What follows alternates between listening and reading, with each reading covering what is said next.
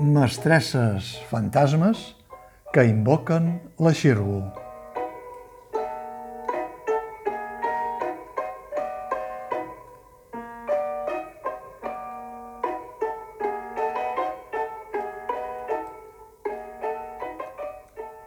A la dècada dels anys 70 del segle XX, després de la dictadura franquista, l'escola va començar a remoure's per fer un canvi i recuperar la pedagogia moderna de l'etapa de la Segona República,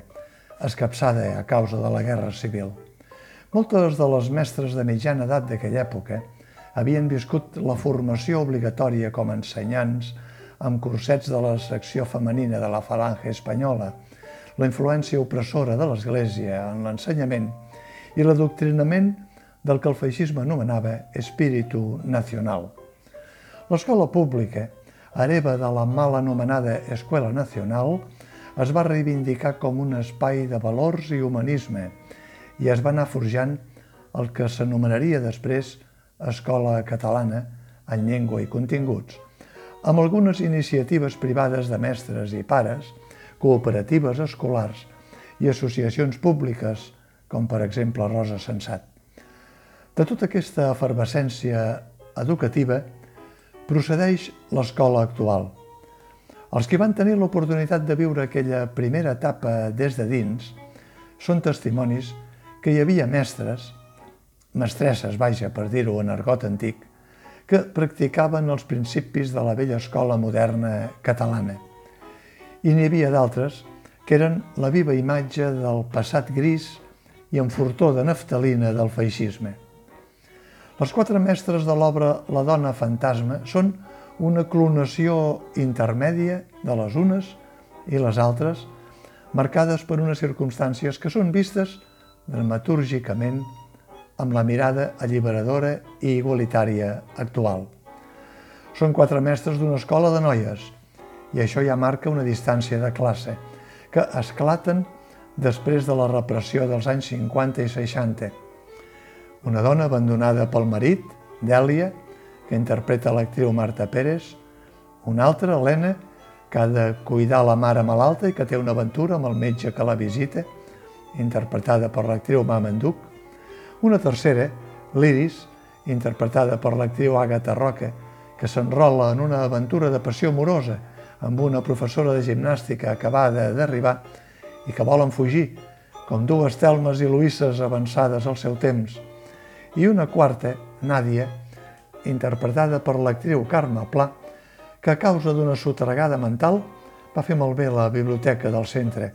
i aquí la directora li ha proposat que deixi d'ensenyar literatura com manaria el cànon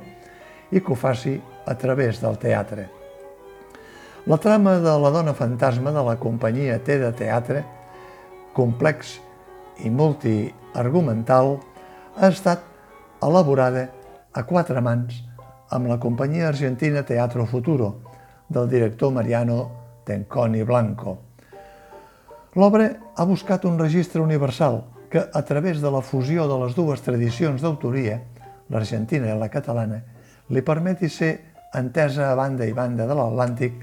sense una reinterpretació especial. La versió estrenada aquí, però, traduïda per Sergi Balbel, veu clarament de les fonts de la tradició literària catalana. Juga amb la llengua dels embarbussaments poètics de Canya i Cordill, en un dels quatre monòlegs, el que interpreta l'actriu Agatha Roca. S'acosta Joan Brossa, amb una escena d'esgarips entre ella i l'actriu Marta Pérez. Sembla que passegi fins i tot per l'ombra de Salvador Dalí, amb algun merda, merda, merda. Invoca el fantasma de la Xirgo, que els que fan nit al carrer de l'hospital diuen que encara ronda pel Romea. I finalment, la trama puja al cavall absent de les epopeies de William Shakespeare. Hi ha teatre dins el teatre i també nostàlgia del teatre que fuig i no tornarà. I hi ha una estructura narrativa que es desenvolupa com si s'obrís un llibre, amb un pròleg en off,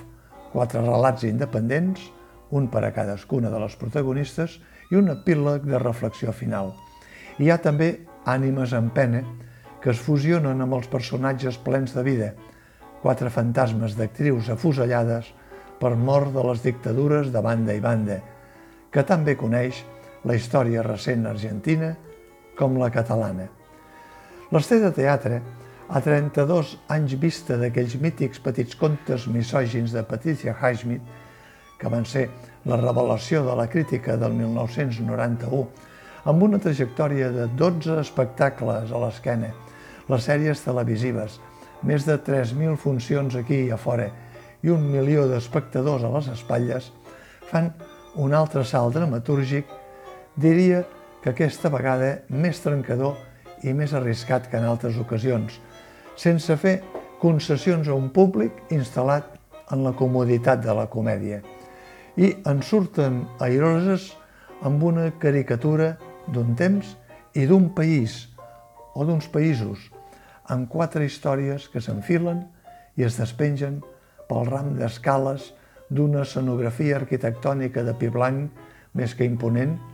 que volen ser quatre peces de comèdia, tot i que amaguen la tragèdia personal de cadascuna i que posen a prova la capacitat actoral de les quatre actrius, tant en solitari amb el seu monòleg com en moments fugassos a capella. I a més, ho fan sempre acompanyades d'una banda sonora original del compositor Ian Xifres, habitual col·laborador del director Mariano Tenconi Blanco, durant tota la trama, dos músics amb violoncel i piano, amb qui també interactuen, que són una veu més de la trama que s'afegeix a la veu en off de l'actriu Elisabet Casanovas, que planteja un dubte etern. Què és el teatre i per a què serveix el teatre? I que acaba buscant la resposta en la llum del més enllà, reflectida per les dones fantasmes que ha deixat el pòsit del seu pas pel teatre.